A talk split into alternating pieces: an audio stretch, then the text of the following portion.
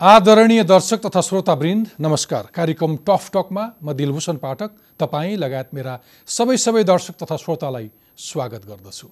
हिमालय टेलिभिजनमा हरेक बिहिबार साँझ नौ बजे प्रसारण हुने यो कार्यक्रम तपाईँ टफ टकको आफ्नो युट्युब च्यानलमा टफ टक प्रस्तुतकर्ता इन्टरफेस नेपालको web page interface Nepal dot com र हाम्रो पात्रो एपमा हेर्न तथा आइओएस चलाउने श्रोताहरूले आइट्युन्स र एन्ड्रोइड चलाउने श्रोताहरूले नेपाली पडकास्टमा पनि टफ टक सुन्न सक्नुहुनेछ। यति बेला प्रधानमन्त्री केपी शर्मा ओली उपचारका लागि सिङ्गापुरमा हुनुहुन्छ। उहाँको मृगौलाको शक्ति बढाउनका लागि चिकित्सकहरूले रगत शुद्ध गर्ने उपचार पद्धति प्लाज्मा फेरिसिस उपचार गराइरहेका छन्। अनि सिङ्गापुरमै रहेका बेला प्रधानमन्त्रीले आफ्नो टेलिप्रेजेन्स मार्फत सञ्चालन गरेको मन्त्री परिषदको बैठकको गोपनीयता र वैधानिकतामाथि प्रश्न उठाउँदै प्रमुख प्रतिपक्षी नेपाली कङ्ग्रेस र नेकपा स्वयंका नेताहरूले विरोध गरेका छन्। अब लागौँ आजको विषयतर्फ। कुनै पनि मुलुकको विकासको मापन गर्ने एउटा सूचक हो शिक्षा। शिक्षा जति गुणस्तरीय भयो त्यसबाट उत्पादन हुने जनशक्ति त्यति नै सक्षम हुन्छ। तर नेपालमा वर्षौँदेखि गुणस्तरीय शिक्षाको बहस चलिरहेको भए पनि त्यसअनुसार शिक्षामा सुधार भएको छैन। विशेष गरी नागरिकहरूका लागि सरकारी शैक्षिक संस्थाबाट दिइने शिक्षाको गुणस्तरप्रतिको भरोसा टुट्दै गएको छ। नेपालको शिक्षामा विश्वास नगरेर वर्षेनी पचास हजारभन्दा बढी विद्यार्थी विदेश पढ्न जान्छन् र उनीहरूसँगै वर्षेनी झन्डै एक खर्ब पैसा विदेशिन्छ। शिक्षा क्षेत्रमा समेत चरम राजनीति छ। विद्यालय व्यवस्थापनको समितिको अध्यक्षदेखि विश्वविद्यालयको उपकुलपति बन्नका लागि समेत राजनीतिक छिनाझम्टी चल्छ। शैक्षिक संस्थाको नेतृत्वका लागि शैक्षिक उन्नयनमा समर्पित होइन पार्टीप्रति प्रतिबद्ध कुनै नेताको वफादार व्यक्ति खोजिन्छ। यसले हाम्रा शैक्षिक संस्थाहरू धराशायी बन्दै गएका छन्। नेपालको संविधानले शिक्षालाई मौलिक हकको रूपमा राखेको छ। तर व्यवहारमा गुणस्तरीय शिक्षा पाउन सक्ने वातावरण छ त। सङ्घीय प्रणाली अप्नाएपछि शैक्षिक क्षेत्रमा के सुधार आयो? हरेक वर्ष उच्च शिक्षाका लागि विदेशिने क्रम किन बढिरहेको छ? हाम्रो विश्वविद्यालयमा उपकुलपति नियुक्ति प्रक्रियामा कस्तो राजनीति हुने गरेको छ? विश्वविद्यालयहरूमा कस्ता विकृति र विसङ्गतिहरू छन्? यिनै विषयमा कुरा गर्न आज मसँग हुनुहुन्छ त्रिभुवन विश्वविद्यालयमा झन्डै साढे तिन दशक अध्यापन गर्नुभएका र समावेशी शिक्षामा विद्यावारिधि गर्नुभएका प्राध्यापक डाक्टर वासुदेव काफले। त्रिभुवन विश्वविद्यालयमा समावेशी शिक्षा सम्बन्धी विषयको प्रमुखको रूपमा काम गरिसक्नुभएका प्राध्यापक काफले सन् दुई हजार आठमा युनेस्कोबाट शिक्षा र अध्यापनमा उच्च योगदान गर्ने विश्वका उत्कृष्ट शिक्षकहरूको सूचीमा परेर पुरस्कृत हुनुभएको छ। आउनुहोस् स्वागत गरौँ आजका मेरा अतिथि नेपालको शिक्षा क्षेत्रमा अध्यापन र अनुसन्धान गरिरहनुभएका प्राध्यापक डाक्टर वासुदेव काफ्लेलाई। वासुदेव सर टकटकमा स्वागत छ। हजुर धन्यवाद धेरै धेरै आरामै हुनुहुन्छ केमा व्यस्त हुनुहुन्छ आजकल? एकदमै ठिक छु र अहिले खास गरेर अब अलिकति फ्री हुनु भएको कारणले गर्दाखेरि युनिभर्सिटीबाट फ्री भएको कारणले गर्दाखेरि इन्डिपेन्डेन्टली केही रिसर्च कामहरूमा म संलग्न छु खास गरेर। ओके। तपाईँलाई मैले कल गर्दै गर्दा तपाईँ कसैले ट्रेनिङमा व्यस्त हुनुहुन्थ्यो हजुर हो। कसलाई कस्तो तालिम दिइरहनु भएको यो पूर्व जिल्ला शिक्षा अधिकारी भन्छौँ हामीहरू। र अहिले चाहिँ नगरपालिका अथवा गाउँपालिकामा शिक्षा अधिकारी भएर पनि काम गरिराख्नु भएको साथीहरू हुनुहुन्छ। त उहाँहरूलाई चाहिँ अब यो एजुकेसन रिसर्च भनेको के हो? ओके। र उहाँले चाहिँ एजुकेसन एउटा आफ्नो आफ्नो क्षेत्रमा एउटा रिसर्च रिपोर्ट तयार पार्नुपर्ने भएको हुनाले बेसिक एजुकेसन रिसर्चका खास गरी फन्डामेन्टल कुराहरू के हुन् रिपोर्ट कसरी लेख्ने ल्याङ्ग्वेज कस्तो प्रयोग गर्ने होइन? यिनी कुराहरूमा मेरो लगभग दुई सेसन चाहिँ त्यसैमा केन्द्रित भएर मैले प्रस्तुति चाहिँ गरिरहेको थिएँ। ओके। हामी सकेसम्म हाम्रो शिक्षा क्षेत्र त्यसमा पनि विश्वविद्यालयको राजनीति विश्वविद्यालयहरू कस्ता छन्।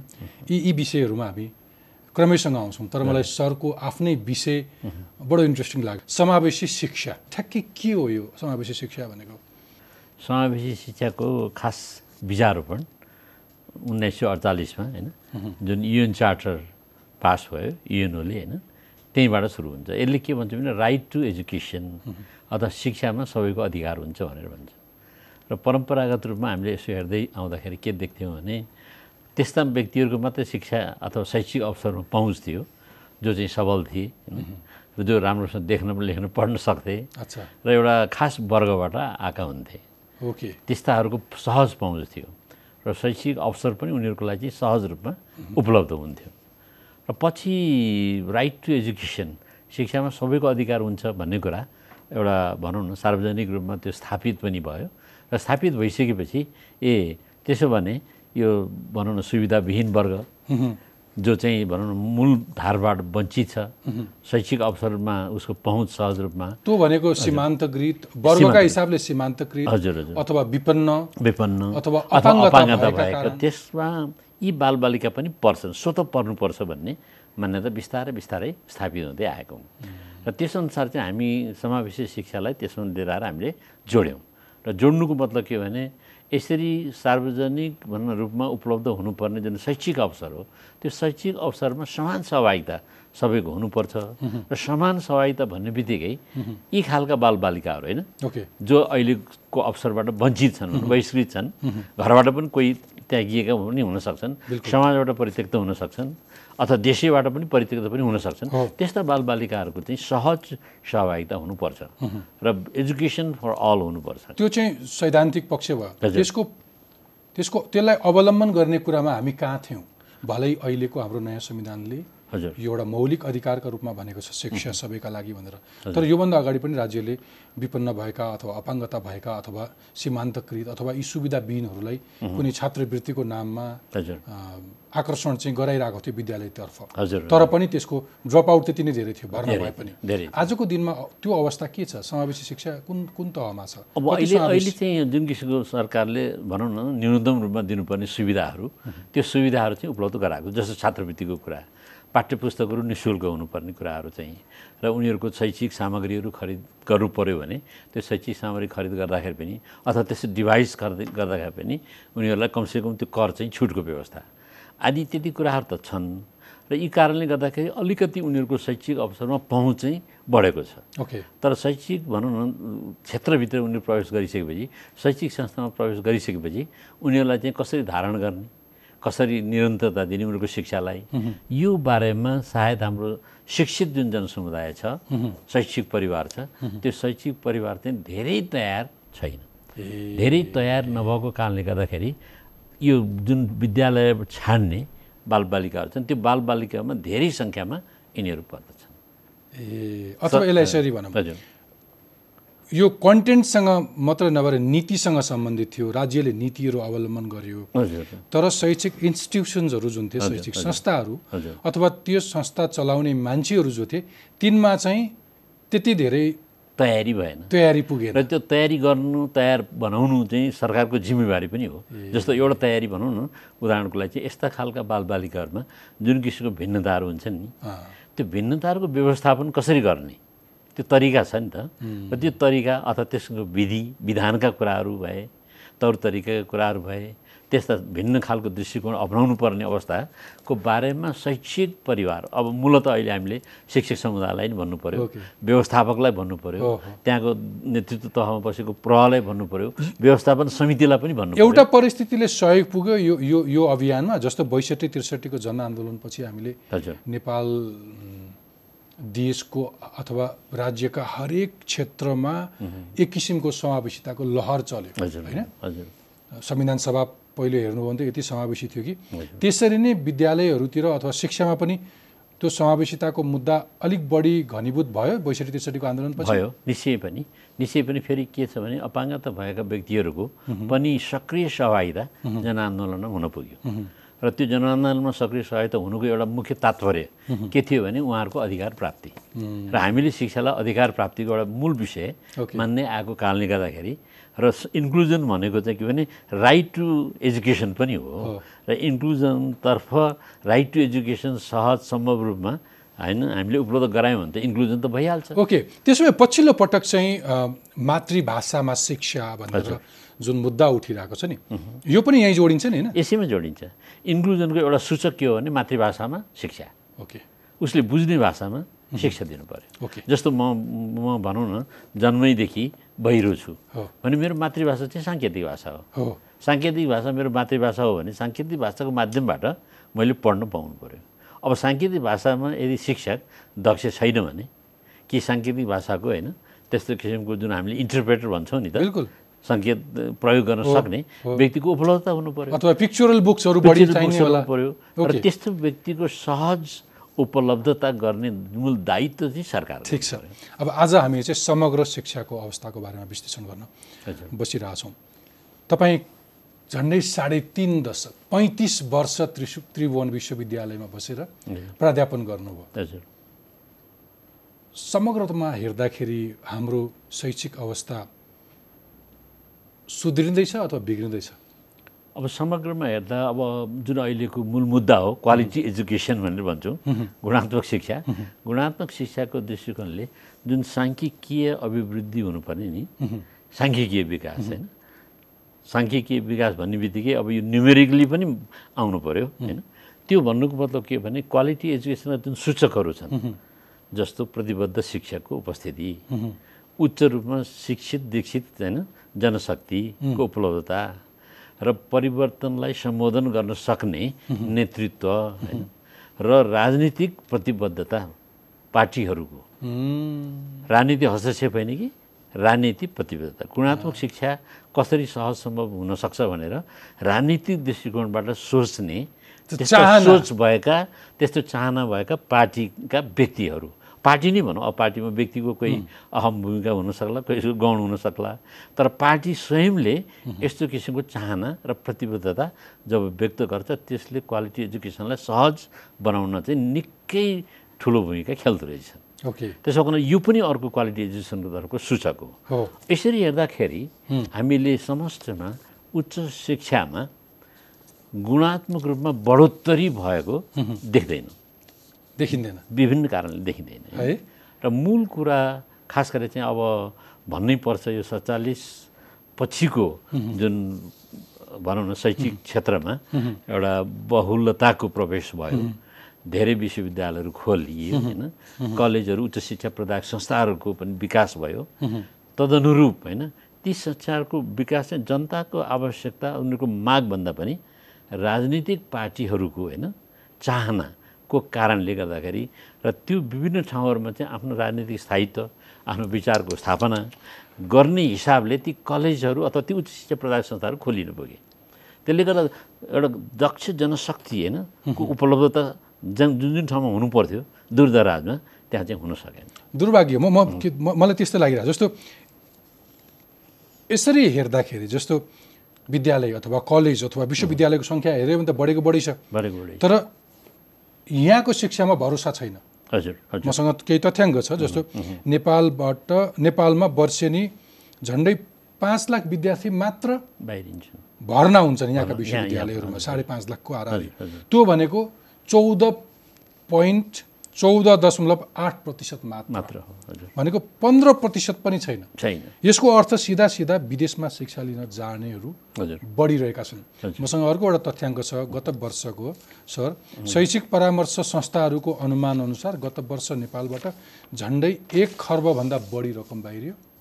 राष्ट्र ब्याङ्कको रेकर्डमा पनि गत वर्ष चालिस अर्ब रुपियाँ विद्यार्थीका कारण विदेशीको देखिन्छ। विदेशमा अध्ययनका लागि छप्पन्न हजारभन्दा बढी विद्यार्थीले नो अब्जेक्सन लेटर लिएका छन्। यो अघिल्लो वर्षको भन्दा सोह्र हजार बढिरहेछ अघिल्लो वर्षभन्दा सर यसले के देखाउँछ? यसले निश्चय पनि हाम्रो देशको होइन एउटा विषम परिस्थितिको सङ्केत गर्दछ। यसलाई मैले किन विषम परिस्थिति भनिरहेको छु भने एक त आर्थिक रूपले पनि हाम्रो स्रोत चाहिँ बाहिरिएको छ। र दोस्रो जुन जनशक्तिमा हामीले जसको खालको लगानी गर्नुपर्ने थियो त्यो जनशक्तिलाई यहीँ भित्र्याउनको लागि अथवा यहीँ टिकाइराख्नको लागि जति आवश्यक मात्रामा स्रोतहरूको परिचालन गर्नुपर्ने थियो त्यो स्रोत परिचालनतर्फ सरकारले गम्भीरताका साथ ध्यान नदिनु होइन। यो पक्ष पनि यसैसँग लगाएर हामीले जोड्न सक्दछौँ। त्यस फलस्वरूप गुणात्मक शिक्षा भनेको अवश्य पनि महँगो शिक्षा हो। हामीले यसरी बुझ्नु पऱ्यो नराम्रो शिक्षा भनेको त्योभन्दा अझ महँगो। मेरो चाहिँ सिद्धान्त यस्तो छ। गुणात्मक शिक्षा महँगो हुन्छ। तर नराम्रो शिक्षा त्योभन्दा झन् महँगो हुन्छ। किन नराम्रो शिक्षालाई फलिफाप गर्ने त्यसलाई पालित पोषित गर्नको लागि जस्तो कि जनशक्ति हामी खल्तीबाट झिकेर सिफारिसका साथ त्यो जनशक्तिलाई भित्र्याउँछौँ त्यसलाई शिक्षित दीक्षित गर्नको लागि त्यसलाई तालिम दिनको लागि होइन? हामीले जुन खर्च गर्छौँ नि जुन खर्च त्यसमाथि नगरिनु पर्थ्यो त्यो खर्च समेत त्यसमा जोडिनु पुगिहाल्छ। र त्यसले गर्दाखेरि एउटा भनौँ न जुन पेसामा प्रवेश गर्नको लागि अध्यक्ष व्यक्ति छ तयार छैन प्रतिबद्ध छैन त्यस्तो व्यक्तिलाई हामीले भित्र्याउने बित्तिकै त्यसमाथि हाम्रो लगानी स्वत बढ्न जान्छ। र यस्ता व्यक्तिहरू जबसम्म तिस वर्ष पैँतिस जस्तै पैँतिस वर्षसम्म त्यहाँ एउटा शासन होइन जमाएर बस्यो भने तिनले उत्पादन गरेको जनशक्ति अवश्य पनि हामीले गुणात्मक जनशक्ति भनेर। आकलन नै गर्न सक्छौँ। तर हामी नम्बरका हिसाबले हेर्दाखेरि चाहिँ जस्तो म आफू कुनै कलेज पढ्दै गर्दाखेरि एउटा मात्रै विश्वविद्यालय पछि काठमाडौँ युनिभर्सिटी। अब हाम्रो अहिले एघारवटा अब अहिले एघारवटा छन् अर्को एउटा मदन भण्डारी विश्वविद्यालय खुल्दैछ। अरू केही पाइपलाइनमा छन्। र तिनले पनि स्वीकृति पाए भने डेढ दर्जन विश्वविद्यालय यो मुलुकमा हुन्छन्। तर विद्यार्थीको कुरा गर्ने हो भने अधिकांश विद्यार्थी एसई दिएपछि विदेश जानलाई लालायत हुन्छन् विदेशी विश्वविद्यालयमा जान्छन्। के कारणले हामीले अरू पनि केही कारण छ यो विद्यार्थीलाई? मैले यसरी पनि हेरेँ हजुर के भने चाहिँ अब उनीहरू विदेशमा जान किन लालयित छन् त भनेर जस्तो चाइनाबाट भनौँ न यहाँ मैले एउटा सानो स्टडी पढेको थिएँ त्यो रिपोर्टले के भन्थ्यो चाइनाबाट पनि प्रति वर्ष पचास हजार चाइनिज विद्यार्थीहरू चाहिँ देशको पचास हजार भनेको त अमेरिका जान्छन् होइन। तर अमेरिकामा अध्ययन गरिसकेपछि पाँच हजार मात्रै फर्कँदो रहेछ। पैँतालिस हजार त तिनीहरू चाहिँ अमेरिकामै बस्दो रहेछ उम्, भने त्यसलाई यदि एउटा दृष्टान्तको रूपमा रेफरेन्सको सन्दर्भको रूपमा हामीले प्रयोग गर्ने हो भने नेपाललाई पनि यसलाई भनौँ न एउटा अत्युक्तिमा राख्न त मिल्दैन। मिलेन। तर हाम्रो विद्यार्थीहरू मानौँ न अब अहिले चाहिँ बाहिर गए र बाहिर गएपछि जसरी अब जस्तो इन्डियामा पनि धेरै जसो एनआरआईले अलिक प्रतिभाशाली विद्यार्थीहरू त्यसको उत्पादक होइन संस्थाहरूसँग उनीहरूले अनुरोध गरेर पनि उनीहरूलाई भित्राइरहेछन्। त्यस्तै हाम्रो सरकारले पनि नि त्यो नि जस्तो हामीसँग एनआरए नि छ होइन? एनआरएसँग अलिकति हातेमालो गरेर अलिकति सहकार्य गरेर हाम्रो विद्यार्थीहरू बाहिर जान्छन्। तर त्यो विद्यार्थी त्यहाँबाट शिक्षित उच्च रूपमा शिक्षित दीक्षित भइसकेपछि नेपालमै फर्कन सक्ने वातावरण होइन? बनाइदियो भने यिनीहरू बाहिर गएर पढेर जुन किसिमको उच्च भनौँ न शिक्षा र सिप र एउटा अन्तर्सुच भन्छु म इन्साइट भन्छु। त्यो इन्साइटलाई चाहिँ नेपालको विकासमा प्रयोग गर्न सक्ने वातावरण त बनाउन सक्छ नि त सर त्यो। तर अझ म के भन्छु त्यो एनआरएन जस्ता संस्थाहरूसँग समन्वय गर्नुभन्दा पनि मुलुकले यस्तो नीति अप्नाउनु पर्यो कि। तिनलाई यहीँ रोजगार दिने यहीँ। आकर्षण गर्न सक्नु पर्यो एकदमै मलाई एउटा कुरा भनिदिनुहोस्। मैले अरू पनि केही कुरा कोट्याउन खोजेँ जस्तो पाठ्यक्रम कति ठिक छ अथवा बेठिक छ? विद्यार्थीहरू विदेश जान लालायत विद्यार्थीहरूले तपाईँले अघि भने जस्तो राजनीति चरम छ। अयोग्य गलत मान्छेहरू ल्याएका छन्। ल्याइएको छ। तिनले गर्दाखेरि युनिभर्सिटीले महँगो मूल्य तिर्नुपर्छ विद्यार्थी अथवा अभिभावकले अरू महँगो मूल्य चुकाउनुपर्छ। अन्तत त्यो राज्यकै लागि महँगो हुन्छ त्यसमा डाउट भएन। तर विदेशी नै कारणहरू केलाउँदै गर्दाखेरि मैले के सोधेँ भने हाम्रा विश्वविद्यालयहरूको पाठ्यक्रम चाहिँ कति ठिक अथवा बेठिक छ? अथवा कति समय सान्दर्भिक छ? अब पाठ्यक्रमको मा नवीनता एउटा नियमित प्रक्रिया हो। पाठ्यक्रममा नवीनता थपिनु। त्यो भनेको बोल्दा पाठ्यक्रमको समायोजन अपडेटेड पाठ्यक्रमको परिमार्जन पाठ्यक्रमको संशोधन र त्यतिले पुगेन भने यदि समयले माग गर्छ भने पाठ्यक्रमको परिवर्तन। ओके। यी कुराहरू सँगसँगै जानुपर्ने कुराहरू सरस्वती हेर्दा चाहिँ हाम्रो देशमा के छ भने पाठ्यक्रम परिवर्तनको मुद्दा चाहिँ दस बाह्र वर्षसम्म चुप लाएर बसेको देखिन्छ। यसलाई समयमा उठान गर्नुपर्ने जुन दायित्व बोकेका पदाधिकारी हुन्छन् नि उनीहरूले यसलाई गम्भीरताका साथ लिइरहेको देखिँदैन। एउटा मूल कारण त्यो छ। र त्यसले गर्दा बजारले माग गरेको जुन सिप जुन ज्ञान होइन जुन सोच है र जुन व्यवहार छ नि त्यो बजारले माग गरेको सोच जुन किसिमको सिप हो त्यो अनुसार पाठ्यक्रममा त्यसको परि भनौँ न प्रतिबिम्बन हुन नसकिरहेको एउटा अवस्था पनि हो जसले विद्यार्थीहरूलाई बाहिरहेको छ। बिल्कुल। मैले तपाईँसँग अन्तर्वार्ता गर्ने भनेपछि म एकजना शिक्षकसँग संवाद गर्दै थिएँ। उहाँले मलाई के भन्नु भने आजभोलिका विद्यार्थीहरूसँग इन्फर्मेसनको सोर्सेसहरू यति धेरै छ। ऊ टेलिभिजन हेर्छ ऊ युट्युब हेर्छ अरू वेबसाइट्सहरू हेर्छ उसले ग्याजेट्सहरूसँग त्यति नै धेरै एक्सेस पाएको छ। इन्फर्मेसनको वर्ल्डमा उसको यति धेरै एक्सेस छ ऊ यति धेरै इन्फर्म भइसक्यो कि कहिले कहिले उसलाई क्लासरुम निरस लाग्छ। कोर्स कोर्सहरू निरस लाग्छ। शिक्षकसँग कुनै नयाँ सिप छैन उसले कुनै उसलाई कुनै सही तरिकाले अथवा उसलाई उसको लेभलमा उसले पढाउनै सकिरहेको छैन। कतिपय अवस्थामा क्लासरुममा विद्यार्थीहरू बढी सुसूचित तर शिक्षकहरू कम। सुसूचित। र उसको करिकुलम त्योभन्दा पुवर भनेर कसैले दृष्टान्त दिनुभएको थियो। मैले तपाईँसँग सोध्न खोजेँ कि तपाईँले अघि भन्नुभयो कि पाठ्यक्रम अपडेटेड भएन। प्राध्यापकहरूको स्तर कस्तो छ? कति अपडेटेड छन् प्राध्यापकहरू अथवा शिक्षकहरू छन् यो निकै नै ठुलो चुनौतीपूर्ण भनौँ न प्रश्न छ। अझ यो यस अर्थले पनि मैले लिएको छु कि धेरै प्राध्यापकहरूमा प्रा उनीहरूको चाहिँ प्राज्ञिक मृत्यु भइसकेको छ। ओहो। मैले ठुलो कुरा गरेँ। प्राज्ञिक मृत्यु भनेको आफूलाई अध्यापक नबनाउने आफूलाई अनुसन्धानमुखी बनाउनलाई जाँगर नचलाउने आफूलाई क्रियाशील नबनाउने आफूलाई गत्यात्मक बनाउनु पऱ्यो नि गतिशील बनाउनु पऱ्यो नि अध्ययन। छैन। अध्ययन अध्यापन छैन। र यो अध्ययन अध्यापनबाट माग गरेको जुन एउटा चुनौती छ नि त्यो चुनौतीलाई राजनीतिको झोलाभित्र उहाँहरूले थन्क्याउनु भएको छ। त्यो राजनीतिको झोलाभित्र जब थन्क्याउने प्रवृत्ति र त्यो संस्कार अझ भन्छु संस्कृति यहाँ चाहिँ स्थापित हुँदैछ। त्यसले गर्दा यो प्राज्ञिक मृत्यु रोज्ने खालका व्यक्तिहरूको प्रबलता भन्छु म यसलाई यो प्रबलता बढ्दो छ। तर एउटा पक्ष चाहिँ त्यो तपाईँले भन्नुभयो कि त्यो प्राज्ञिक अवसान सुन्दा मृत्यु भन्दा नि अवसानै अवसान बडो नमिठो लाग्छ। नमिठो। अवसान। किनभने त्यो एउटा भण्डार थियो। त्यसले समाजलाई शिक्षित बनाउनु पर्थ्यो। तपाईँले भन्नुभयो कि यो एउटा एउटा दशा त्यो। तर अर्को चित्त बुझाउने ठाउँ त यो पनि छ कि नेपाली प्राज्ञिकहरू नेपाली प्राध्यापकहरू शिक्षकहरू विदेशी विश्वविद्यालयमा गएर विभाग सञ्चालन गरेको। कति युनिभर्सिटी लिड गरेको कुनै डिपार्टमेन्ट्सहरू फ्याकल्टी लिड गरेको केस पनि छ नि। त्यहाँ चाहिँ ख्याति कमाएका प्रोफेसर्सहरू पनि छन्। त्यो शक्ति चाहिँ हाम्रा विश्वविद्यालयहरूले कुनै रूपमा समन्वय गरेर अथवा कुनै रूपमा संयोजन गरेर त्यो ज्ञानलाई यहाँ ल्याउने र यहाँ त्यो त्यो ज्ञानलाई फैलाउनलाई अथवा त्यसलाई कसैले महत्त्व बुझेको छ त्यसको? होइन यसमा के छ भने अब जुन तरिकाबाट हाम्रो यहाँ कि पदाधिकारी छैन। अम, पदाधिकारीको चयन हुन्छ नि त्यो चयन हुँदाखेरि यो विश्वविद्यालय अथवा उच्च शिक्षा प्रदायक संस्थाहरू के का थला हुन् होइन?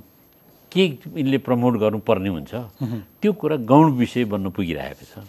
र जुन जुन पार्टीको प्रतिनिधित्व गरेर उहाँहरू जानुहुन्छ नि उहाँहरू गइसकेपछि उहाँहरूको वफादारिता त्यो सिस्टमप्रति युनिभर्सिटी सिस्टम हायर एजुकेसन सिस्टमप्रति कम पार्टीप्रति बढी।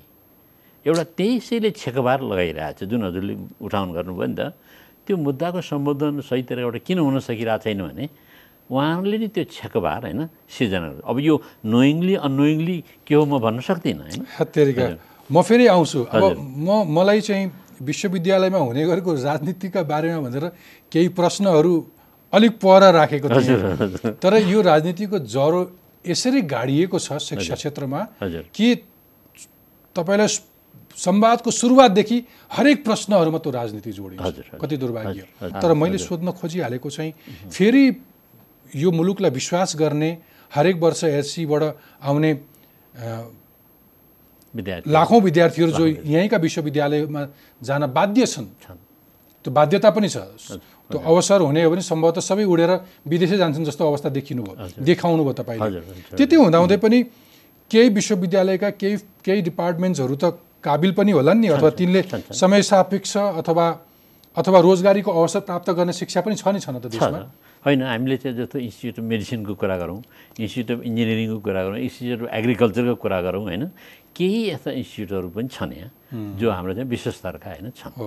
र त्यहाँ जुन प्रवेश छ कस्ता खालका विद्यार्थीहरू प्रवेश गर्न पाउँछन् जो चाहिँ भनौँ न मेरिटमा विश्वास गर्छन्। स्कोर स्कोर नम्बर नम्बरमा रटान उच्चाङ्कमा। उच्च उच्च अङ्क उच्चाङ्कमा? त्यसमा उसको उसको नलेज उच्चाङ्कमा। अङ्कमा आउँदैन नि कति नलेज ऊ चाहिँ अङ्क आङ्किक भनौँ न वृद्धिमा उसले विश्वास गर्छ। मैले कति प्रतिशत ल्याएँ? ए ल्याएँ कि बिल्याएँ कि त्योभन्दा बाहेक विद्यार्थीको अनुहार हेरेर उसको बडी ल्याङ्ग्वेज हेरेर उसको। अरू ज्ञान परीक्षण गर्ने कुनै। विधि छैन। त्यो अरू साधनहरू चाहिँ छैन। त्यसो कारण एउटा त्यो त्यो मेसो पनि छ। त्यसरी पनि त्यो प्रवेश चाहिँ होइन भएको छ।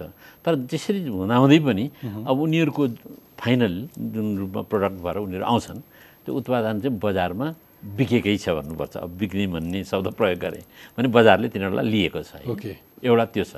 र अर्को परिस्थितिका छन् जस्तो अहिले हामीले उच्च शिक्षा सबैको लागि भन्ने जुन सन्दर्भ निकाल्यौँ त्यो पनि सत्य छैन। किन सत्य छैन भने यही बाह्र कक्षा पास गरिसकेका विद्यार्थीहरूको उच्च शिक्षामा प्रवेश चालिस प्रतिशतभन्दा त छैन माथि। त्यो साठी प्रतिशत विद्यार्थीहरू जो बाह्र कक्षा उत्तीर्ण गरेका छन् जो भनौँ न उच्च शिक्षामा सहज प्रवेश गर्न सकेका छैनन् ती त आखिरमा यही बजारमा छन्। यही बजार भनेको यहाँको बजार अथवा अन्तर्राष्ट्रिय बजार जानेर नजानेर यही ठाउँमा उनीहरू रुमलिरहेका छन्। र यस्तो किसिमको जनशक्तिलाई हामीले प्राविधिक जनशक्तिको रूपमा रूपान्तरण गर्न सक्ने अवस्थाको पनि हामीले सिर्जना गर्न सकिरहेको छैनौँ। त्यसो भएको नेपालको लागि चाहिँ अब टेक्नोलोजिकल युनिभर्सिटीको जरुरत हो कि? बिल्कुल। प्रविधि मैत्री भनौँ न उच्च शिक्षा प्रदायक संस्थाहरूको थालनी हामीले कारखाना खोल्नुपर्ने छ कुरा गरिरहेछौँ यत्रो ऊर्जाको कुरा गरिरहेछौँ होइन? हजुर। पारम्परिक रूपमा जुन विषयवस्तुलाई जुन विधालाई जुन विषयहरूलाई हामीले उच्च प्राथमिकता दिँदै आयौँ कि र त्यसलाई अब अहिले रिभिजिट गर्नुपर्ने रिभ्यू गर्नु पुनरावलोकन गर्नुपर्ने अवस्था आइ नै सक्यो। किन देश चाहिँ ले विकासको गति होइन माग गरेको छ। त्यसलाई सम्बोधन गर्ने खालको शिक्षा होइन हाम्रो हुन सकिरहेको छैन। शिक्षा त ड्राइभर अफ चेन्ज हो नि त। बिल्कुल। परिवर्तनको सम्भाग हो होइन बिल्कुल। चालक हो नि। र हाम्रो यहाँ चाहिँ शिक्षाले एउटा परिवर्तनलाई सघाइरहेको छ परिवर्तनलाई सघाइराख्न सकिरहेको कुरा भनिदिनुहोस् सर।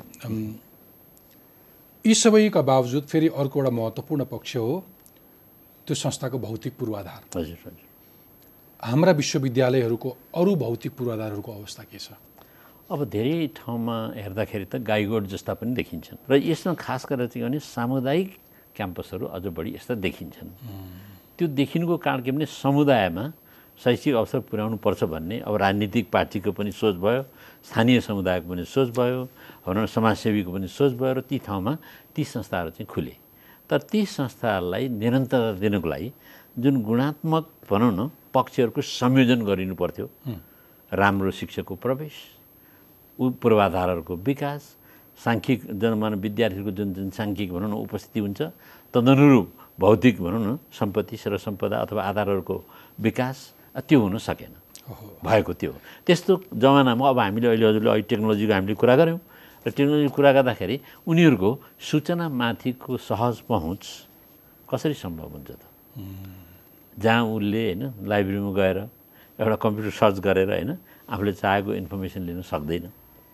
अध्यावधिक गरिएका नयाँ नयाँ अनुसन्धानमुखी पत्रिकाहरूको उपलब्धता छैन।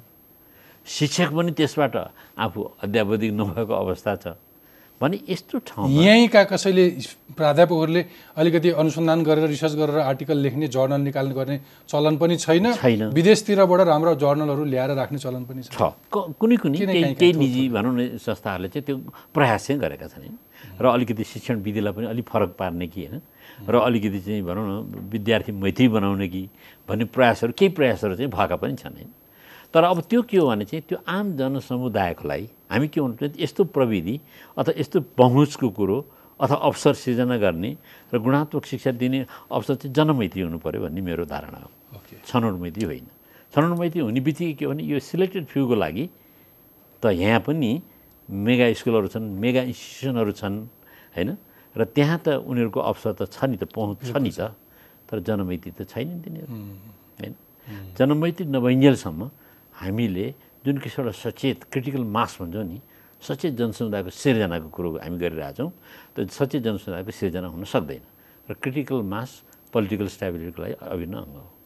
हामीले यसलाई यसरी जोड्यौँ भने यसलाई राजनीतिक स्थिरता दिनको लागि त त्यस्तो मास चाहियो नि त। यहाँ त भिड उत्पादन गरिरहेको भिड उत्पादन गरिरहेको छौँ सचेत जनसमुदाय छैन। क्रिटिकल मास छैन कि भिड उत्पादन। न्यून रूपमा सडकमा त्यही भएर तपाईँ जहाँ पनि त्यसले गभर्न गर्न सकेका छैन यो। हाम्रो चाहिँ जुन वातावरण छ त्यसले शासन दिन सक्या त्यो सुशासन दिन सकेका छैन तर क्रिटिकल मास त आफै एउटा प्रोडक्टिभ होइन मास हो।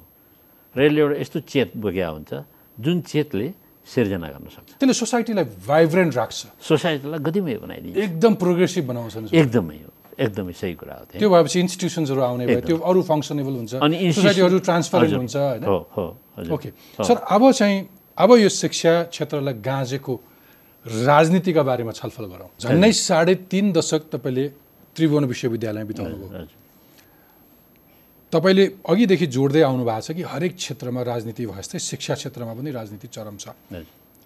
यो पैँतिस वर्षमा कस्ता कस्ता उपकुलपति आए? कसरी कसरी आए भनिदिन मिल्छ? मिल्छ। किन नमिल्नु? अब यो त सबैले देखेकै बोकेकै कुरा हो। खुल्ला होइन रूपमा सबैले भन्न सक्ने कुरा पनि भयो।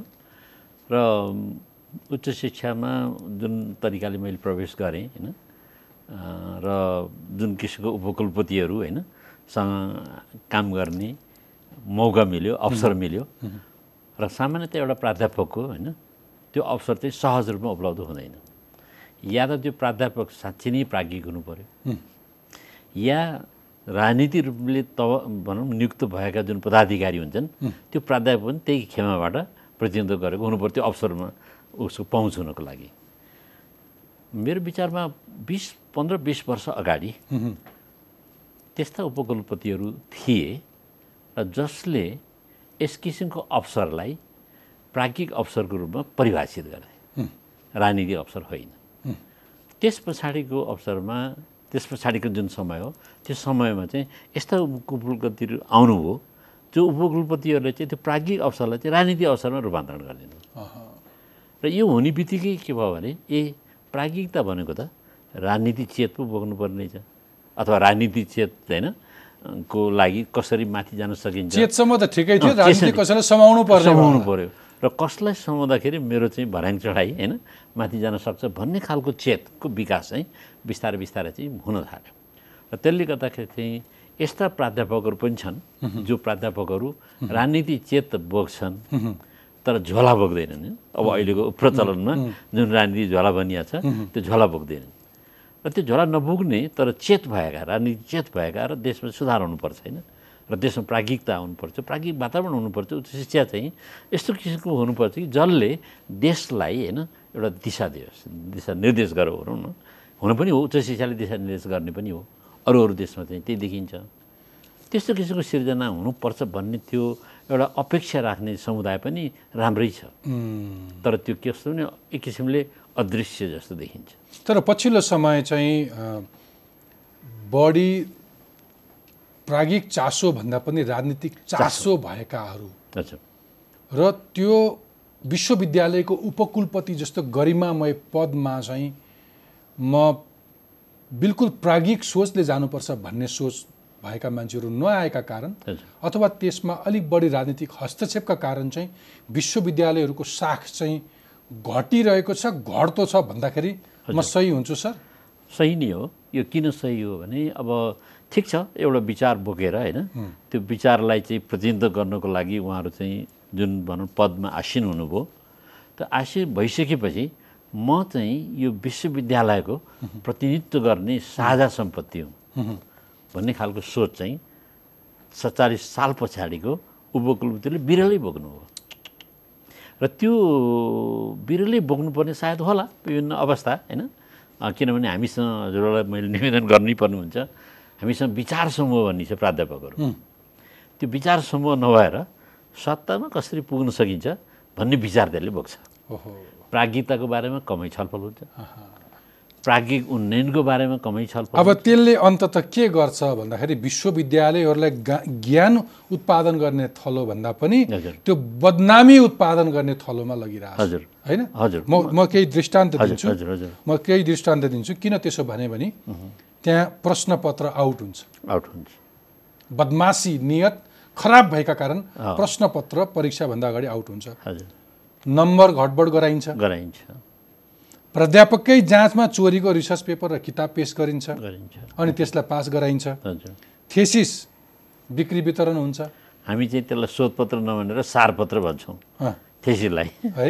सारपत्र। शोध शोध हुनुपर्त्र हुनुपर्ने। शोध रिसर्च पेपर हुनुपर्ने। हुनुपर्नेमा त्यो सारपत्र। सारपत्र पनि कुनै चिजको सार सारेको। सारेको सार? भनेर फेरि समरी एकदमै होइन। सारेको पत्र। त्यसो भए यी सबै गतिविधिले पछिल्लो पटक विश्वविद्यालयमा देखिएका यी घटनाक्रमहरूले कता लाँदैछ यो विश्वविद्यालयको गरिमा अथवा विश्वविद्यालयको नाक? मलाई के लाग्छ भने विश्वविद्यालयले अब सोच्ने बेला आइसक्यो। यदि यसको केही भविष्य यस्तो छ भने यसले प्रक्षेपण गर्ने आफ्नो छवि प्रक्षेपण गर्नु पऱ्यो नि। यो जो शिक्षा प्रदायक संस्था हो म गणात्मक शिक्षा मैले दिनुपर्छ र देश विकासको दायित्व होइन? निर्वाह गर्न सक्ने जनशक्तिको निर्माण गर्ने संस्था म हुँ भनेर उच्च शिक्षा खास गरेर विश्वविद्यालयले होइन? त्यो गर्नुपर्ने हुन्छ। र त्यो समय आइसकेको छ। र मलाई के लाग्छ भने पोलिटिकल पार्टिजहरूले पनि मेरो विचारमा नि यो उनीहरूले महसुस गर्न थालिसकेका छन्। थालिसके आखिर पोलिटिकल पार्टीभित्र पनि नि राम्रो मान्छे हुन सक्ला नि त।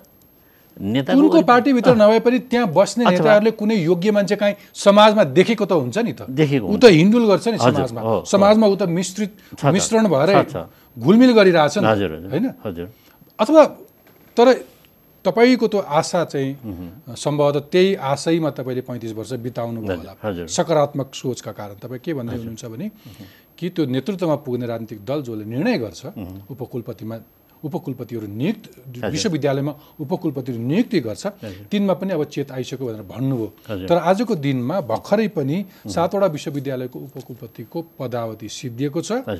र अब यो नव नयाँ नियुक्तिको प्रक्रियामा आफू पर्न पाए हुन्थ्यो भनेर दौड राजनीतिक दौडधप सुरु भइसक्यो। दौड होइन राजनीतिक दौडधुप। तपाईँले भनेको अघि प्रागिक संस्थामा नेतृत्व गर्ने एउटा प्रागिकलाई चाहना हुनसक्छ त्यसलाई हामीले गलत भन्न पाएनौँ। पाएन हजुर। तर कुन हदसम्मको फोहोरी राजनीति गर्छ त्यो मान्छेले भन्ने न कुरा हो? हजुर। त्यो दौड सुरु भइसक्यो। भइसक्यो। त्यो दौड चाहिँ अब फेरि कुनै एउटा गनाएको मान्छेलाई सरकारले टिका लाएर पठाइदिन्छ भन्ने स्थिति पनि नआउला भन्न सकिँदैन। सकिँदैन। त्यो गरी पनि रहेको पहिले तर मेरो चाहिँ सोच यसमा के हो भने पोलिटिक्स हुनु पर्यो। पोलिटिक्स डेभलपमेन्टको लागि हुनु पर्यो। पोलिटिक्स विकासको लागि आम माने मेरो चाहिँ क्षुद्र स्वार्थ पूर्ति गर्नको लागि अथवा चाहिँ सर्टेन पोलिटिकल इन्ट्रेस्टलाई चाहिँ सर्भ गर्नको लागि होइन मेरो नियुक्ति हुनु भएन। देश विकास मेरो साखका लागि। कुनै एउटा विश्वविद्यालयको नेतृत्व गर्नेको लागि मेरो मेरो हुनु- चाहना हुनु भयो। त्यसले अन्याय हुन्छ एउटा संस्थालाई। हो मैले त्यो देशलाई के त्यो मान्छेले देशलाई के गर्न सक्छ? बिल्कुल। देशको विकासको दिशा परिवर्तन गर्न सक्छ कि सक्दैन।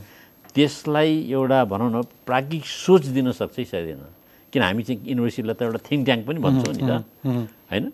त्यो थिङ्क ट्याङ्क भन्ने शब्दावली जुन छ नि त्यो सही रूपले प्रयोग भएको पनि हो त्यो। बिल्कुल। तर त्यो थिङ्क ट्याङ्कको रूपमा आफूलाई रूपान्तरण गर्ने प्रयास उच्च शिक्षा प्रदायक संस्थाहरूले अब थालेनन् भने अब हाम्रो त प्राज्ञिक पहिचान पनि गुम्छ देशको। र देशले प्राज्ञिक पहिचान गुमाउने भन्ने कुरो त देशको पहिचान पनि गुम्ने हो नि त। बिल्कुल त्यही भएर देशको पहिचान गुम्ला भन्ने चेत त यी प्राज्ञ के अरे राजनीतिक नेताहरूमा त छैन भन्न त कसरी सक्छ अब फेरि? तपाईँ हरेक देश जानुभयो भने हरेक विदेशी विश्वविद्यालयमा कुनै न कुनै विदेशी स्कलर्सहरू। विदेशी विद्यार्थीहरू आएर पढ्ने। गरिरहेको हुन्छन् तर हाम्रो मुलुक मात्रै यस्तो हो जहाँका विश्वविद्यालयहरू अघि हामीले भन्यौँ कि सातवटा विश्वविद्यालयको त म्याथ झन्डै एक दर्जन विश्वविद्यालय छ हामीसँग तर कुनै पनि विश्वविद्यालय चाह्यो भने विदेशी विद्यार्थीहरू कमै छन्। को सङ्ख्या अलिकति आउने पढ्ने भन्ने न्यून अत्यन्तै न्यून बाध्यात्मक परिस्थितिमा मात्रै होला। मलाई एउटा कुरा भनिदिनुहोस्। तपाईँ पैँतिस वर्ष बसेर बसेको टियु र आजसम्मको राजनीतिक घटनाक्रम हेर्दै गर्दाखेरि तपाईँले काहीँ कुनै रूपमा चाहिँ आशा छ कि एक दिन चाहिँ इमान्दार रूपमा काम गरिरहेका राम्रा योग्य प्राज्ञिकहरूले हरूलाई पनि प्रशासकीय नेतृत्वमा अथवा युनिभर्सिटीको- प्राज्ञिक नेतृत्वमा देख्न देख्ने आश गर्नु भएको छ? मैले त सुरुदेखि नै यो आश गर्दै हुर्केको होइन? किनभने अब त्यो सम्भव हुन सकेन। तर इट्स नेभर लेट भन्ने त एउटा अङ्ग्रेजीमा उखानै छ नि होइन? यो नहोला। यति ढिलो अब तर धेरै ढिलो भइसक्यो नि त। अब अब ढिलो भयो भने देशले त्यसलाई सहन गर्न सक्दैन। अब मलाई भनिदिनुहोस्। हजुर। त्यसो भए भन्नुहोस् त्यस्तो मान्छे अथवा अहिलेको कन्टेक्स्टमा हाम्रा विश्वविद्यालयहरू चलाउनको लागि कस्तो व्यक्ति हुनुपर्छ? जस्तो मानौँ तपाईँको यो संवाद कुनै नेतृत्वमा बस्ने कसैले सुन्दै हुनुहुन्छ। हजुर हजुर। हेर्दा त सबै मान्छे उस्तै लाग्छ।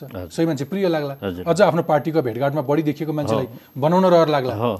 आजको दिनमा एउटा युनिभर्सिटी लिड गर्नलाई कस्तो खालको मान्छे चाहिँ अप्रोप्रिएट हुन्छ? मैले तिन त्यसमा तिन चारवटा सूचकहरू देख्दछु त्यस्तो व्यक्तित्व। जुन चाहिँ नेतृत्व तहमा पुग्नुपर्ने हुन्छ। त्यो नेतृत्व तहमा पुग्ने जुन व्यक्ति छ त्यो व्यक्तिमा अब राजनीति चेतै हुनु हुँदैन भन्ने होइन मेरो। ओके। तर त्यो त्यसको राजनीति चेतलाई प्राज्ञिक चेतले गभर्न गरेको हुनु पर्यो। पहिलो चाहिँ मेरो आवश्यकता भनौँ प्राज्ञिक चेतना सबभन्दा माथिल्लो तहमा माथिल्लो तहमा आउनु पर्यो। मान्छे त हरेक इन्डिभिजुअल त पोलिटिकल प्राणी नै हो नि। पोलिटिकल प्राणी? त्यसलाई हामी नगार्नै सक्दैन। नगार्न सक्दैन ओके। तर तर यहाँ चाहिँ के भने उल्टो भइरहेको नि त। प्राज्ञिक चेतले चाहिँ राजनीतिक चेतले ओझेलमा पारेको त्यो एउटा एउटा कम्पोनेन्ट एउटा कम्पोनेन्ट ओके। दोस्रो कम्पोनेन्ट के हो भने यो प्राज्ञिक थलो त एउटा संसार हो नि। संसार हो। संसार। विषमता हुन्छ। अत्यन्तै भाइब्रेन्ट संसार भिन्नता हुन्छ। भिन्नताको व्यवस्थापन गर्न सक्ने व्यक्ति हुनु पर्यो भिन्नता हुन्छ। प्राज्ञिक भिन्नता होला वैचारिक भिन्नता होला राजनीतिक भिन्नता आर्थिक भिन्नता होला होइन? धेरै किसिमका भिन्नताहरू हुन्छन् जातीय भिन्नता होला जनजातीय होला भाषिक भिन्नता होला। अब मेरै भाषा बोल्ने व्यक्ति आयो भने म प्रिय हुने उसको पनि प्रिय हुने। अर्को भाषा बोल्ने व्यक्ति आयो भने अथवा अथवा यसलाई अघि तपाईँकै शब्दमा भन्दाखेरि यसलाई डाइभर्सिटीलाई अथवा इन्क्लुजनलाई इन्क्लुजनलाई महत्त्व दिने अथवा एउटा एउटा एउटा लिबरल एउटा एउटा फराकिलो चेतना भएको मान्छे चाहिँ अलि उदार माना मान्छे चाहियो। त्यो उदार माना भएपछि उसले के भने सबै कुराहरूलाई चाहिँ भित्र्याउन सक्छ कि बिल्कुल। अनुदार छ होइन? र एकदम रिजिड खालको सोच लिएर त्यो बसिरहेको छ भने अरू डाइभर्सिटीलाई त उसले रेस्पेक्ट नै गर्छ नेरो माइन्डेडहरू अन्त कतै गयो हुन्छ। Diversity third component diversity is to be respected. Welcome होइन? त्यो त एसेन्स हो नि त्यो त स्ट्रेन्थ हो नि त्यो त ब्युटी हो नि होइन? हजुर एकदमै। हामीले डाइभर्सिटीलाई कहिले पनि ब्युटीको रूपमा त्यसको एसेन्स त्यसलाई एसेन्सको रूपमा लिएनौँ एकदम एकदम। हजुर हो. त्यो एसेट हो हाम्रो लागि। asset हो। किनभने हामीले हाम्रो चाहिँ किन संविधानले नि भनेको छ नि समावेशी लोकतन्त्र भने इन्क्लुजिभ डेमोक्रेसी भने के? के हो इन्क्लुजन भनेको? यही हो इन्क्लुजन भनेको होइन? र अर्को मैले देखेको तेस्रो कुरा होइन? तेस्रो कुरा के भने त्यस्तो व्यक्ति चयन होस् जुन व्यक्तिले अलिकति संसारलाई चाहिँ बुझेको होस्।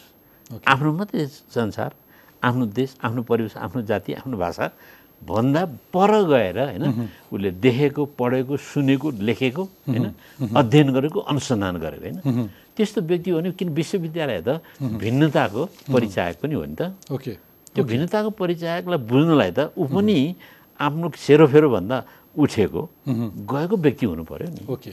ओके त्यस्तो व्यक्तिको त्यो चाहिँ युनिभर्सिटीको कुरा थियो। अब अलिकति अहिलेको कन्टेक्स्टमा पनि आउँ हामी अहिले सङ्घीय संरचनामा गइसकेपछि हरेक प्रदेशमा पनि विश्वविद्यालयको प्रादेशिक विश्वविद्यालयको कुरा विश्वविद्यालय गरिरहेको हुन्छ। त्यहाँ पनि केही दुविधाहरू छन्। सङ्घ र प्रदेशको हरेक मुद्दामा विवाद र झैझगडा भए जस्तै शिक्षाको विषयमा पनि त्यो अलिअलि। अधिकारको विषयमा। देखिन थालिसक्यो। यो विषयहरू हामी कसरी सम्बोधन गर्छौँ सर? अब यसलाई चाहिँ के भने जहाँ जहाँ अहिले भ- किन त्यतिखेर हामीसँग कम विश्वविद्यालय थियो। हामी बहु विश्वविद्यालयको धारणामा आइसक्यौँ। हो। बहु विश्वविद्यालयको धारणा आउने बित्तिकै हामीसँग जुन प्रदेशहरू छन् नि हो। तिनले पनि त बहुलता कायम गर्नु पऱ्यो नि। तिनले पनि काम गर्ने अवसर पाउनु पऱ्यो नि त। हो। त्यसो हामीसँग जुन अहिलेसम्म विश्वविद्यालयको स्वरूपमा केन्द्रीयता बढी हाबी भयो कि हो। त्यो केन्द्रीयतालाई हामीले पन्छ्याउनु पर्ने हुन्छ। त्यो भन्नुको मतलब जस्तो उदाहरणको लागि चाहिँ पोखरा विश्वविद्यालयको म उदाहरण दिन्छु। म पोखरेली नै भएको नाताले। हो बिल्कुल। है पोखरा विश्वविद्यालयको उदाहरण दिन्छु। पोखरा विश्वविद्यालयमा ठुला ठुला एउटा पृथ्वीनारायण क्याम्पस छ जुन पोखरा विश्वविद्यालयभन्दा ठुलो छ। हो। अर्को पोखरा विश्वविद्यालय त्यो- त्यसले धेरै प्रशासकहरू जन्मायो। जन्मायो कैयौँ गऱ्यो कति प्रशासकहरू जो एकदमै। सचिव मुख्य सचिवसम्म पुगे। एकदम पुगे। राजनीतिज्ञहरू पनि जन्मायो एकदम पुगे। भनेपछि सरकारको चाहिँ दूरदृष्टि कहाँ न्यु चुक्न पुग्यो भने उता पृथ्वीनारायण क्याम्पसलाई पोखरा विश्वविद्यालयको रूपमा रूपान्तरण गर्ने भन्ने थियो। जनताको अपेक्षा। तर पोखरा विश्वविद्यालय उहीँ आँगनमा लगेर अर्को विश्वविद्यालय खोलियो। यो जन यो चाहिँ सरकारको अल्पदृष्टिको द्योतक हो त्यो पनि राजनीतिक कारणले त्यो पनि। राजनीतिक कसैको राजनीतिक इन्ट्रेस्टले निश्चय पनि त्यही रूपले आयो। तर अझै पनि समय बिग्रेको छैन। अझै पनि म के भन्छु भने पोखरा विश्वविद्यालयलाई हामीले केन्द्रीयताको नजरले जुन हेरिरहेको छौँ नि त्यसलाई प्रादेशिक विश्वविद्यालयमा रूपान्तरण गर्नु पर्यो पृथ्वीनारायण क्याम्पस पोखरा विश्वविद्यालय होइन? यी उस्तै उस्तै छन् दुईवटा बराबरी एवं सबल हाँगाहरू छन्। यिनीहरूलाई चाहिँ हामीले एकीकृत गर्नु पर्यो किनभने यो चाहिँ प्रादेशिक विश्वविद्यालयमा रूपान्तरण भइसकेपछि पश्चिम प्रदेशको गण्डकी प्रदेशको त्यो त एउटा ठुलो होइन। उचाइ त्यसले। देखाउँछ नि। उचाइ वहन गर्न सक्ने क्षमता राख्छ नि त त्यसले त। कति देशहरूको आइडेन्टिटी नै विश्वविद्यालयले राखिदिएको छ एकदमै हजुर हो। कुनै देश भन्ने बित्तिकै मान्छेले कुनै युनिभर्सिटी सम्झिन्छ। अक्सफोर्ड युनिभर्सिटी हार्वर्ड युनिभर्सिटी होइन? बर्कले भने जस्तै स्ट्यानफोर्ड। हजुर। अथवा भारतमै पनि जिएनयु भन्ने बित्तिकै त्यसको एउटा एकदमै। कुन विश्वविद्यालय गयो युनिभर्सिटी। एमआइटीको त्यत्रो नि धेरै जन अफ स्किन्स भनेर भने होइन? अनेक अनेक युनिभर्सिटी कति नाम। अब मलाई समय सिद्धियो सर। हजुर। सबै फेरि यो राजनीतिक सँगसँगै पछि अन्तमा जोडिने चाहिँ अर्थसँग जोडिन्छ। सरकार शिक्षा क्षेत्रमा लगानी गर्न कति उद्धार छ? अहिले अलिकति घटाउन खोज्दैछ अलिकति साँगुरो पार्न खोज्दैछ अथवा कस्तो पाउनु भएको छ? अब उधार छैन भनौँ भने हाम्रो माध्यमिक तहसम्मको शिक्षा नि शुल्क हुनुपर्छ भन्ने जुन प्रतिबद्धता सरकारले जनाएको छ। संविधानमा भनेको छ झन्डै चौध प्रतिशत शिक्षा क्षेत्रमै खर्च हुन्छ। खर्च हुनु तर हाम्रो चाहिँ अहिले लगभग नौ प्रतिशत जति बजेटरी हेर्नु न एलोकेसन हेर्ने हो भने ज्यादै न्यून छ। तर फेरि यसरी फेरि अर्को साइडमा हेऱ्यो नि मोर देन एटी पर्सेन्ट पैसा त तपाईँको फेरि यो तलब भत्ता प्रशासनिक खर्चमा गइरहेछ भने चाहिँ क्वालिटी एजुकेसन प्रमोट गर्नुको लागि मैले सुरुमा हजुरलाई के निवेदन गरेँ भने quality education is expensive poor education is more expensive भने त्यही कुरो मैले फेरि दोहोऱ्याउन चाहेँ। क्वालिटी एजुकेसनको लागि त लगानी चाहियो नि त। एकदम चाहियो। क्वालिटी एजुकेसन त लगानी मैत्री पनि हुनु पऱ्यो हो। अब हाम्रो तलब शिक्षा भनौँ न सुविधा आदि इत्यादिमा हाम्रो एट्टी पर्सेन्ट जान्छ भने ट्वेन्टी पर्सेन्टले कहाँबाट क्वालिटी प्रमोट गर्न सक्छ त? सर मेरो समय सिद्धियो। तपाईँ पैँतिस वर्ष एउटा युनिभर्सिटीमा समय बिताउनु भएको। अहिले पनि रिसर्चमा तपाईँ त्यति नै धेरै समय बिताइरहनु भएको छ। हाम्रो समग्र शिक्षाको स्तर वृद्धि गर्न युनिभर्सिटीहरूलाई अरू आकर्षक बनाउनलाई अथवा अरू सफल बनाउन के के गर्नुहुन्छ? मैले चाहिँ पहिला के देखेँ भने जस्तो हामी छिमेकी देशहरूमा नेसनल पोलिसी होइन अन एजुकेसन छ। बङ्गलादेशमा छ इन्डियामा छ श्रीलङ्कामा छ पाकिस्तानमा छ नेपालमा छैन। र सरकारले अहिले जुन राष्ट्रिय शिक्षा नीति होइन ल्याउने भनेर भनिरहेछ होइन तर त्यो त्यो हजुर। अड्किरहेछ। त्यो अड्किरहेछ होइन। त्यो निजी क्षेत्रहरूको चाहनाले- किन हामी सामुदायिक संस्थामा जाने दैनिक कमाइरहेको खाना पाइरहेको त किन। छोड्छौँ भन्ने। त्यति मात्रै लोभ हो? त्यही अब लगभग त्यही देखिन्छ अहिले होइन? त्यो देखिन्छ। त्यसो राष्ट्रिय शिक्षा नीति होइन? मूलत पहिला आउनु पर्यो। दोस्रो हाम्रो चाहिँ एक्टको कुरा हो होइन? र नेसनल एजुकेसन एक्ट त्यो एक्टले यदि हामीले चाहिँ जस्तो भनौँ बाह्र कक्षासम्म त्यो माध्यमिक शिक्षा चाहिँ सु- निशुल्क हुनुपर्छ भनेर भन्छौँ भने बाह्र कक्षासम्म नि शुल्क शिक्षा उपलब्ध गराउनुको लागि सपोर्ट सर्भिसेस त्यसको लागि सहयोगी सेवाहरू के के छन् त? जस्तो अहिले एघार बाह्र कक्षामा विशेष शिक्षकको उपलब्धता छैन। ओके। हामीले के भनिरहेको छौँ एकदम ओहो एघार बाह्र कक्षाको तिस चालिस पर्सेन्टभन्दा माथि रिजल्ट नै जान सकेन भनेर भनिरहेको त्यहाँ सब्जेक्ट पढाउने टिचरै छैन। छ होइन र तेस्रो मैले चाहिँ हेर्न खोजेको सरस्वती हेर्दाखेरि के भने एजुकेसनलाई हामीले फेरि रिडिफाइन गरिदिनु पऱ्यो कि। पुनः परिभाषित एजुकेसन मार्केट फ्रेन्डली हो कि मास फ्रेन्डली हो कि एलिट फ्रेन्डली हो? मार्केट फ्रेन्डली हो भने फेरि बजारमुखी सोचबाट हामीले शिक्षालाई हेर्नु पऱ्यो। र शिक्षा चाहिँ एउटा कन्जम्सन हो। उपभोगको वस्तु हो। त्यसरी जसले जति पैसा तिर्छ उति धेरै उपभोग गर्न सक्छ भन्ने सोच होइन लिनु पऱ्यो। होइन मार्केट फ्रेन्डली पनि हुने मास फ्रेन्डली पनि हुने। तर मासलाई चाहिँ एबल बनाउनु पऱ्यो। मासलाई चाहिँ क्वालिफाइड बनाउनु पऱ्यो। मासलाई चाहिँ स्किलफुल बनाउनु पऱ्यो लाइफ स्किल दिनु पऱ्यो सफ्ट स्किलहरू दिनु पऱ्यो र त्यसलाई मार्केटेबल बनाउनु पऱ्यो भन्ने हो भने फेरि हाम्रो चाहिँ सोच त फरक हुनु पऱ्यो होइन एलिट फ्रेन्डली बनाउने हो भने त त्यो भइ नै राखेको छ। अघि फेरि सबै कुराहरू जोडेर ल्याउँदाखेरि चाहिँ अनि तहमा बस्ने हजुर। शासन सत्ता सम्हाल्नेहरूसँग एउटा। किसिमको प्रतिबद्धता देशको। शिक्षा। त्यो नभइकन विकास गर्छु भनेर। त्यो नभइकन हुँदैन।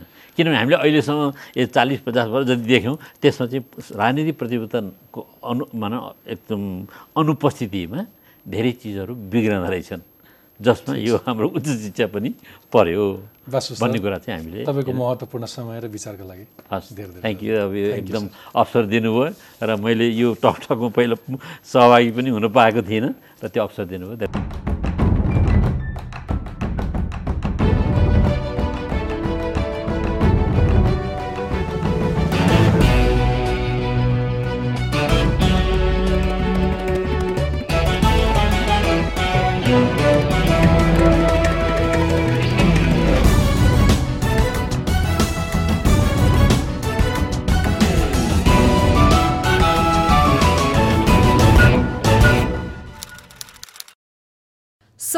बाई नेपाल टेलिकम राष्ट्रको सञ्चार